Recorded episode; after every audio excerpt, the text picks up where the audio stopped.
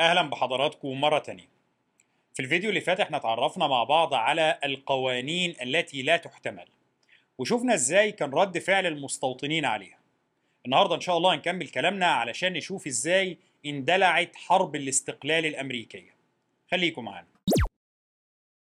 الكونجرس القاري الأول بينعقد في شهر سبتمبر وشهر أكتوبر سنة 1774 وطبعا هي دي الفترة اللي بيصدر فيها دعوته لمقاطعة البضائع البريطانية وبيدي فيها مهلة سنة للحكومة البريطانية علشان تراجع قراراتها المتعلقة بماساتشوستس اللي هي القوانين التي لا تحتمل وإلا هيتم منع التصدير لبريطانيا من المستعمرات كمان.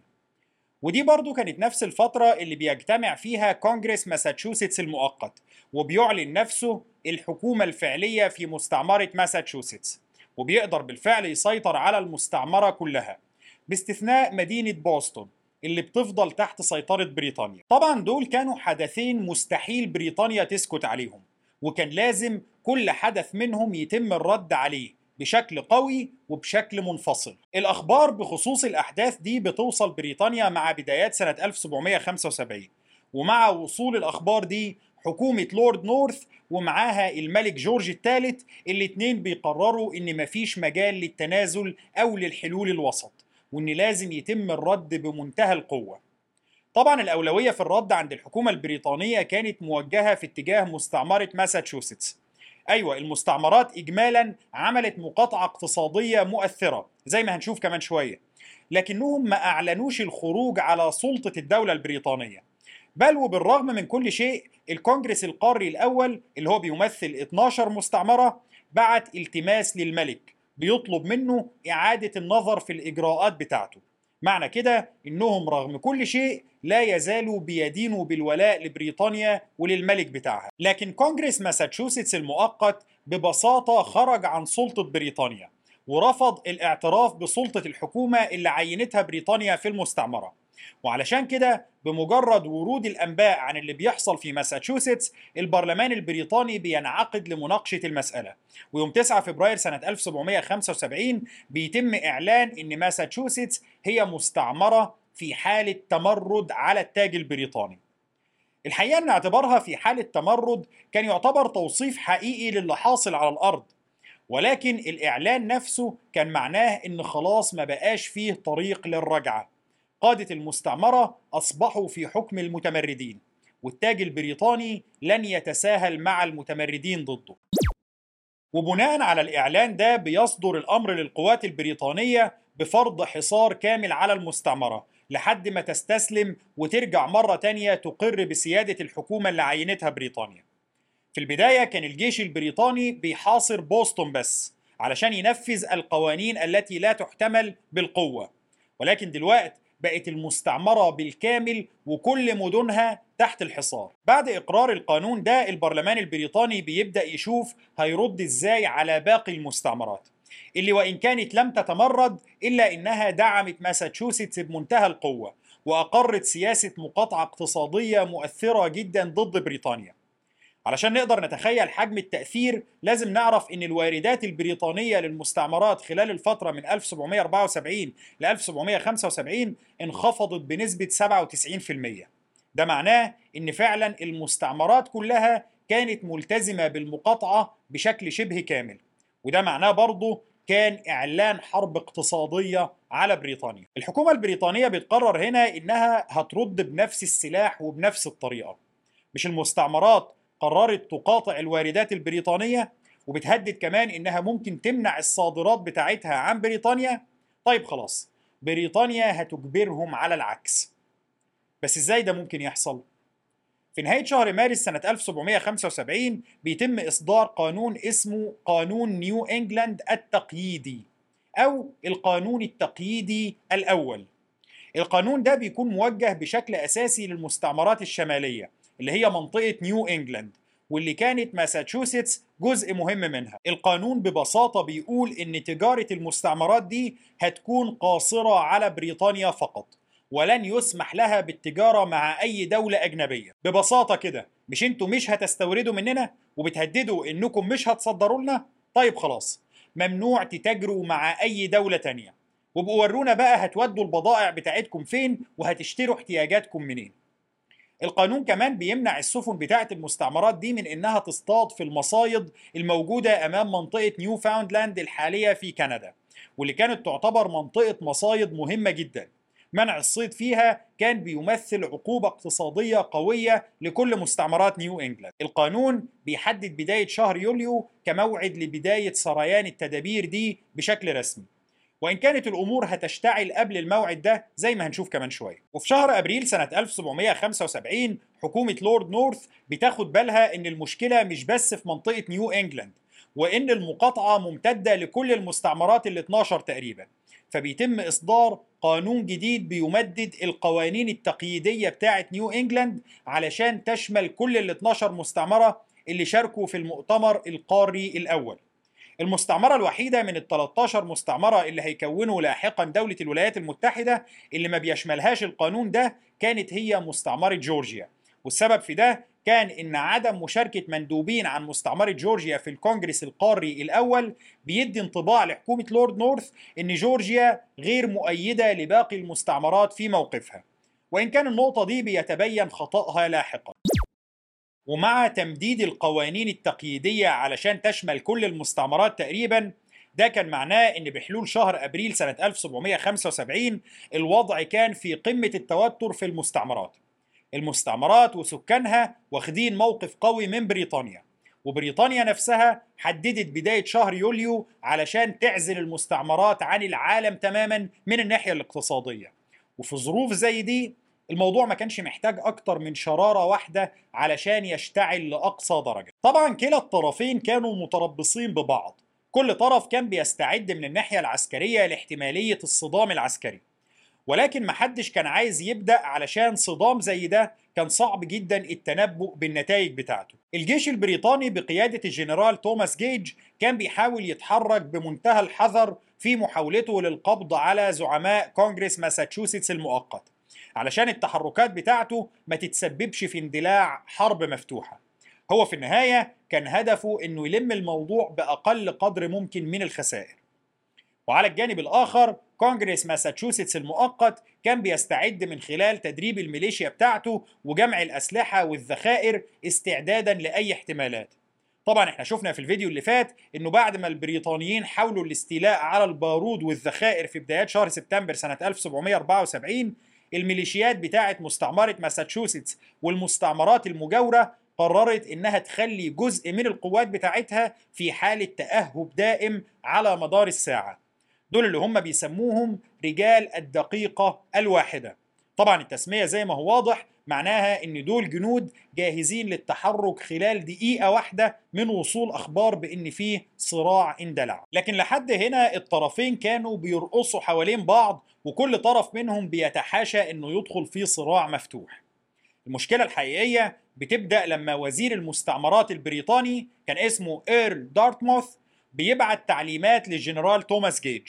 بيطلب منه فيها إنه يتحرك بشكل سري علشان ينزع الأسلحة ويستولي على مخازن الذخيرة بتاعة الميليشيات في ماساتشوستس.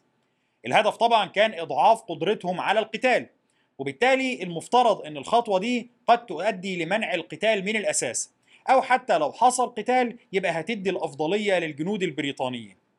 بالمناسبة في المرحلة دي الأمريكان كانوا بيسموا الجنود البريطانيين ذوي المعاطف الحمراء طبعا مش محتاجين نشرح سبب التسمية لكن على أي حال دي التسمية اللي حضراتكم هتلاقوها موجودة في أي مرجع تاريخي بيحكي عن الفترة دي. الأمريكان ما كانش ينفع يسموهم الجنود البريطانيين لأن ببساطة الأمريكان نفسهم كانوا لسه لحد الوقت ده بريطانيين. لكن اللي يهمنا هنا هو إنه تعليمات إيرل دارتموث بتوصل لجنرال جيج يوم 14 أبريل سنة 1775 والجنرال بالفعل بيبدأ يستعد لتنفيذها. المشكلة هنا كانت إنه بالرغم من إن لورد دارتموث بيوصي الجنرال جيج بالسرية والتكتم إلا إن أخبار التعليمات دي بتوصل لكونجرس ماساتشوستس المؤقت قبل حتى ما توصل لجنرال جيج نفسه. ده في حد ذاته ممكن يدينا فكرة عن مدى التغلغل بتاع المستوطنين والمتعاطفين معاهم سواء في المستعمرات أو حتى في أوساط دوائر صنع القرار في لندن. قرارات لندن وصلت للمستوطنين قبل ما توصل لقائد الجيش البريطاني نفسه. على أي حال الجنرال جيج بيجهز قوة عسكرية بقيادة واحد من كبار الضباط بتوعه اسمه فرانسيس سميث. القوة دي كان عددها حوالي 700 جندي بريطاني وده رقم مش قليل أبدا. ده معناه إنه فعلا الجنرال جيج كان مترقب إن ممكن تحصل مواجهات وعايز العدد الكبير للقوات بتاعته يكون عامل ردع يمنع الميليشيا من مهاجمتهم. المهمة اللي بيتم تكليف القوة دي بيها في مساء يوم 18 أبريل كانت تفتيش منطقة اسمها كونكورد. دي كانت منطقة قريبة من بوسطن على بعد حوالي 27 كيلو منها والاستيلاء على الأسلحة والذخائر اللي الميليشيا مخزناها فيها. في شق تاني من التعليمات اللي أخدتها القوات دي عليه بعض الخلاف وهو إن جنرال جيج المفترض إنه بيديهم أوامر بالقبض على بعض زعماء أو بعض أهم زعماء كونجرس ماساتشوستس المؤقت. واللي المفترض إن كان في أخبار وصلت للبريطانيين إنهم موجودين في مدينة اسمها ليكسينغتون وإنهم ممكن ينتقلوا منها بعد كده لمنطقة كونكورد. الحقيقة إن الخلاف هنا سببه إن مفيش تعليمات مكتوبة صدرت بده ولكن المصادر بتختلف. بعضها بتقول إن التعليمات صدرت بشكل شفهي فقط منعا لأي احتمال إنها تتسرب وعلشان نقلل احتمالية استفزاز المستوطنين. أما بعض المصادر الأخرى بتنفي تماما إن التعليمات دي صدرت من الأساس. ولكن لأن حائط السرية المفترض بتاع البريطانيين كان مليء بالثقوب فالخبر اتسرب للمستوطنين في بوسطن بدري جدا. الخبر المتعلق بالقوة اللي تم تجميعها ومهمتهم المتعلقة بالاستيلاء على الأسلحة. وكمان خبر تكليفهم بالقبض على زعماء كونجرس ماساتشوستس المؤقت يعني بغض النظر عن مدى صحة الخبر فالمعلومة دي وصلت للمستوطنين إن البريطانيين بالفعل هيحاولوا يقبضوا على زعماء كونجرس ماساتشوستس ومع وصول الخبر للمستوطنين في بوسطن بيتم الاتفاق على إرسال الخبر ده على وجه السرعة للميليشيا في ليكسنغتون وفي كونكورد. واحد من أشهر الشخصيات اللي كان لها دور مهم في الليلة دي في نقل الأخبار من بوسطن إلى الميليشيا كان مستوطن اسمه بول ريفير. واللي بينقل الخبر بمنتهى السرعة لكل المدن والتجمعات السكنية الموجودة على امتداد الطريق ما بين بوسطن وكونكورد ولأن الميليشيا في ماساتشوستس كان في الأساس عندها خبر إنه لندن بعت التعليمات لجنرال جيج إنه المفترض ينزع الأسلحة بتاعتهم وكمان مع وصول الإنذار المبكر ده رجال الميليشيا بيتأكدوا من إنه تم نقل الأسلحة والذخائر اللي كانت موجودة في الموقع ده لمواقع تانية البريطانيين ما يعرفوش عنها حاجة قبل البريطانيين ما يوصلوا للتفتيش. البريطانيين بيبدأوا يجمعوا القوات بتاعتهم زي ما قلنا يوم 18 أبريل بالليل علشان يقدروا يتحركوا قبل الفجر. ولكن الخبر بيوصل عن طريق بول ريفر للميليشيا قبل منتصف الليل. في حين إن القوات البريطانية على ما بتتجمع وتتحرك بتتحرك الساعة 3 الفجر تقريبا.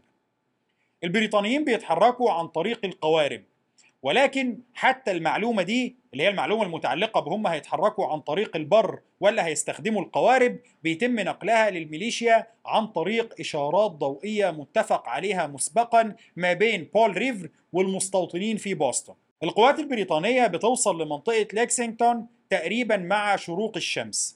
وهناك كان في مجموعة من رجال الميليشيا عددهم حوالي 80 فرد بقيادة واحد اسمه كابتن جون باركر. الفكرة إن الصدام هنا ما كانش حتمي.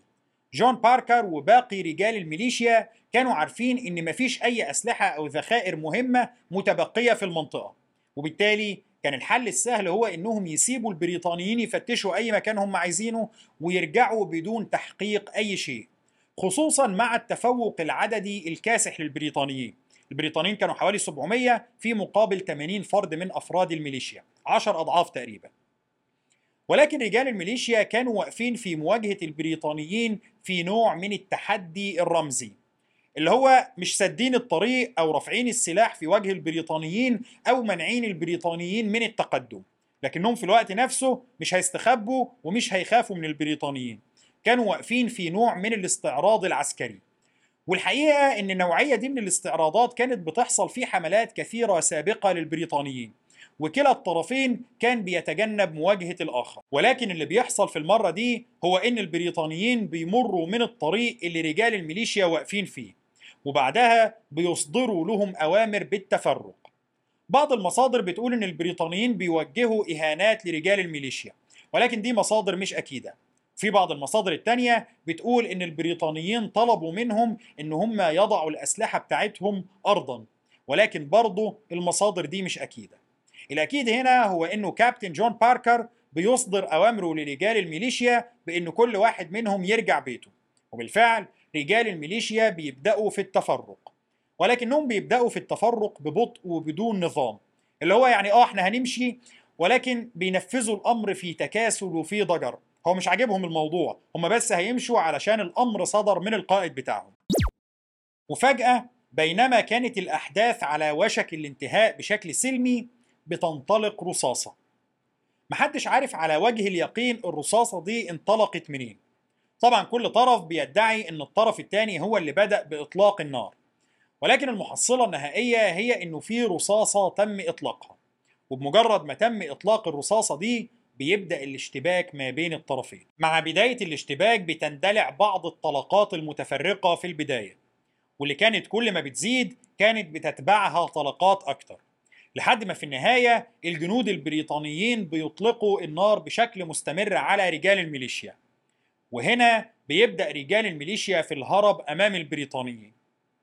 مع نهاية جولة إطلاق النار دي بيكون في 8 قتلى من رجال الميليشيا و10 تانيين منهم جرحى وبيكون في جندي واحد مصاب من الجانب البريطاني. الجنود البريطانيين بعد كده بيتجمعوا وبيتجهوا لقرية كونكورد علشان يستكملوا المهمة بتاعتهم مع وصولهم للقرية.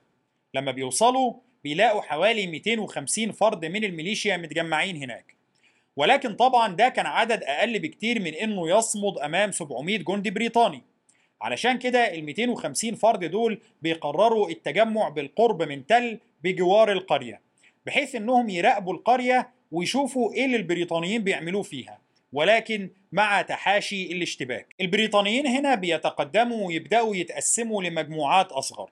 علشان يفتشوا الأماكن اللي كان عندهم معلومات إن متخزن فيها أسلحة واللي كان معظمها تم نقله بالفعل زي ما قلنا. وبيبقى في مجموعات تانية من الجنود البريطانيين بتتفرق في محيط القرية علشان يأمنوا زملائهم اللي بيفتشوا مركز القرية بحثا عن الأسلحة. البريطانيين كانوا بيحاولوا في المرحلة دي إنهم يتعاملوا مع الأهالي بشكل كويس تجنبا لأي استفزاز ومنعا لأي اشتباكات تانية. ولكنهم هنا بيعثروا على بعض الأسلحة المتبقية وبيقرروا إنهم يحرقوا الأسلحة دي. ومع تصاعد نيران الحريق رجال الميليشيا بيقرروا إنهم يقربوا أكتر علشان يبقوا فاهمين إيه النار دي بالظبط وإيه اللي البريطانيين بيعملوه. الفكرة إن في المرحلة دي كان بدأ مقاتلي الميليشيا من المدن المجاورة ورجال الدقيقة الواحدة كانوا بدأوا يوصلوا لكونكورد علشان يدعموا موقف زملائهم. وبالتالي عدد مقاتلي الميليشيا كان ارتفع لحوالي 400 مقاتل. مع ارتفاع أعدادهم رجال الميليشيا بيقرروا إنهم يبدأوا يتقدموا في اتجاه القرية وبتصدر لهم الأوامر من القادة بتوعهم بالاستعداد للقتال ولكن بعدم البدء فيه إلا لو تم إطلاق النار عليهم أولا وبيبدأ حوالي 400 فرد من الميليشيا يتقدموا في اتجاه القرية. الفكرة إن الجنود البريطانيين اللي كانوا مسؤولين عن تأمين الجانب ده من القرية كان عددهم حوالي 100 فرد فقط. والمشكلة الأكبر كانت إن القائد بتاعهم كانت خبرته محدودة جدا وبالتالي بيقرر إنه يوزع قواته في تشكيلات علشان يتصدى للميليشيا ويقدر يوقفهم.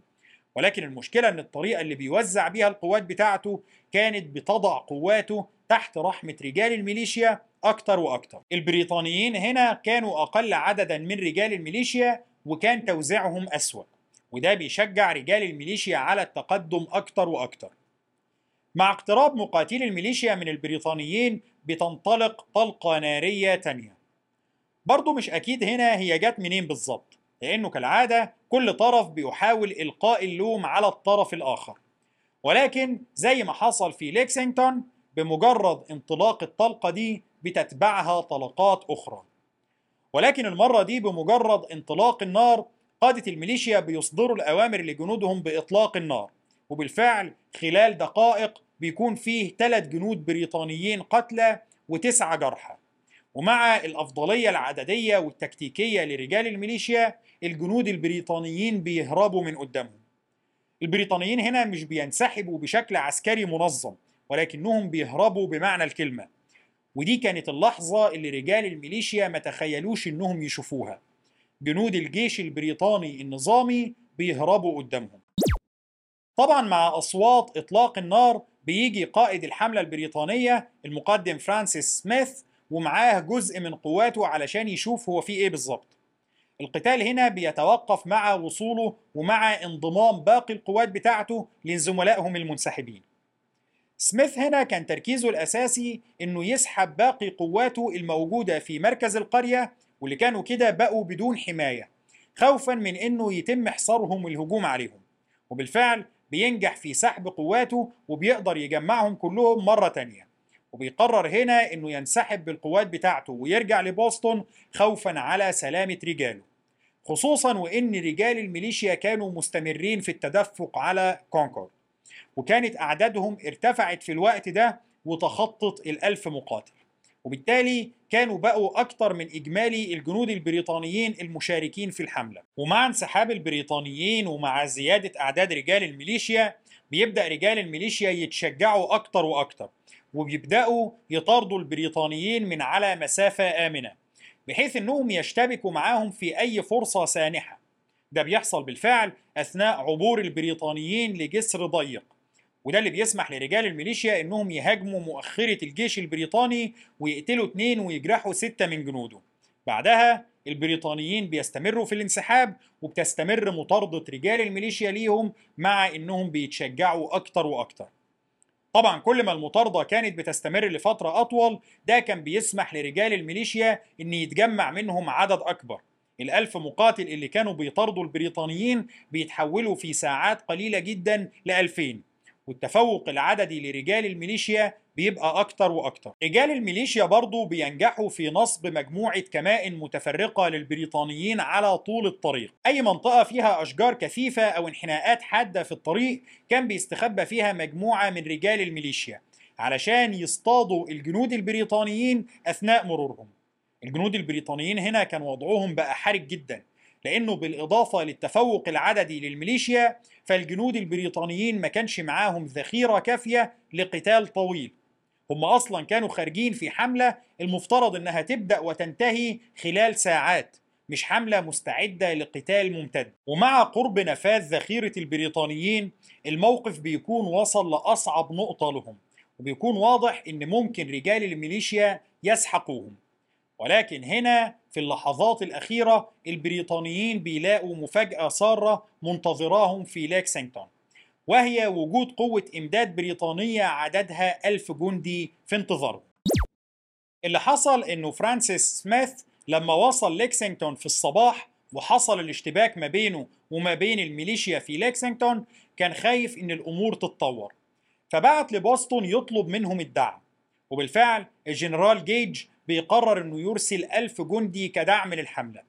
أي نعم هم اتأخروا لحد ما وصلوا ليكسينغتون لحد ما قدروا يتجمعوا وبعد كده يوصلوا لليكسينغتون ولكنهم بيصلوا في الوقت المناسب تماما لإنقاذ الجنود البريطانيين من مذبحة محققة.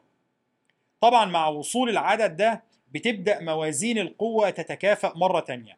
أي نعم البريطانيين ما بقاش عندهم تفوق كاسح ولا حاجة لكنهم على الأقل بقى عندهم القدرة على أنهم يخوضوا مواجهة متكافئة إذا استلزم الأمر. وبعد راحة قصيرة في ليكسينغتون بيستمر انسحاب القوات البريطانية في اتجاه بوسطن وبرضه بتستمر قوات الميليشيا في الهجوم عليهم.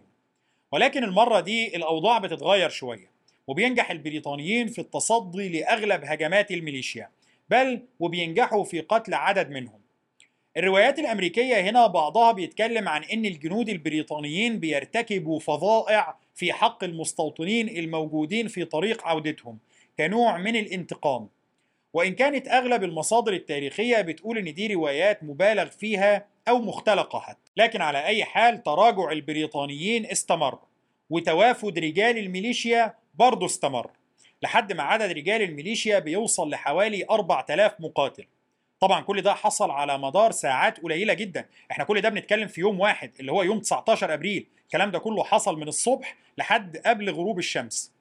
رجال الميليشيا كانوا متوقعين إن البريطانيين هيتخذوا الطريق إلى بوسطن وكانوا منتظرينهم في الطريق ده وكانوا بيحاولوا إنهم يدمروا الجسور اللي ممكن البريطانيين يعبروا من خلالها علشان يقدروا يحاصروهم. ولكن يبدو إن قادة البريطانيين بيتوقعوا ده وبالتالي بيقرروا اللجوء لمنطقة اسمها تشارلز تاون واللي كانت تعتبر معقل قوي للبريطانيين بالإضافة لأنها موجودة على أرض مرتفعة سهل الدفاع عنها وبالإضافة لأنها كانت محمية كويس جدا بنيران مدفعية سفن البحرية البريطانية. الخطوة دي بتكون مفاجأة بالنسبة لقوات الميليشيا اللي ما بتقدرش تمنع وصول البريطانيين لتشارلز تاون ومع نجاح القوات البريطانية في الوصول لتشارلز تاون بيكونوا خلاص وصلوا لبر الأمان. الجنرال جيج بيبعت لهم تعزيزات إضافية وبيبدأوا في تحصين المنطقة اللي هم موجودين فيها.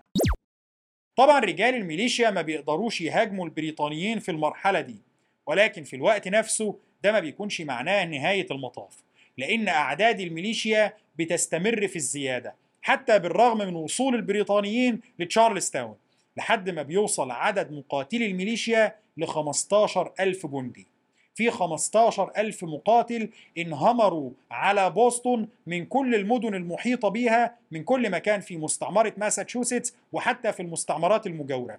وكل العدد ده بيجي في أقل من يوم. ال 15 ألف جندي دول بالرغم من إنهم ما بيهاجموش بوسطن أو تشارلز تاون إلا إنهم بيتخذوا قرار أهم من الهجوم وهو فرض حصار كامل على المنطقتين وعلى البريطانيين الموجودين فيهم. الآية كده اتقلبت. بعد ما كان البريطانيين هم اللي محاصرين مستعمرة ماساتشوستس علشان تستسلم دلوقت العكس بقى هو اللي حاصل. رجال الميليشيا بقوا هم اللي محاصرين الجيش البريطاني وحاصرينه في منطقة بوسطن. بينما باقي المستعمرة كلها تحت سيطرتهم بشكل كامل. البريطانيين ما بقاش عندهم القدرة على إنهم يخرجوا خارج التحصينات بتاعتهم. الحصار ده ومعاه المعركة اللي حصلت قبله في ليكسينغتون وكونكورد كانوا هما البداية الفعلية لحرب الاستقلال الأمريكية. خلاص الحرب بدأت بالفعل ما بين ماساتشوستس وبريطانيا. ولن تنتهي إلا بانتصار أحد الطرفين انتصار كامل. أنا واقف لحد هنا النهاردة إن شاء الله والأسبوع اللي جاي هنكمل كلامنا علشان نشوف حصار بوسطن هينتهي إزاي وإيه الخطوات السياسية اللي هتاخدها المستعمرات علشان يحاولوا يتعاملوا مع مستجدات الموقف. وعلشان نتعرف في النهاية على إزاي بتستقل الولايات المتحدة الأمريكية. شكرا لحضراتكم وإن شاء الله الأسبوع اللي جاي نكمل كلامنا.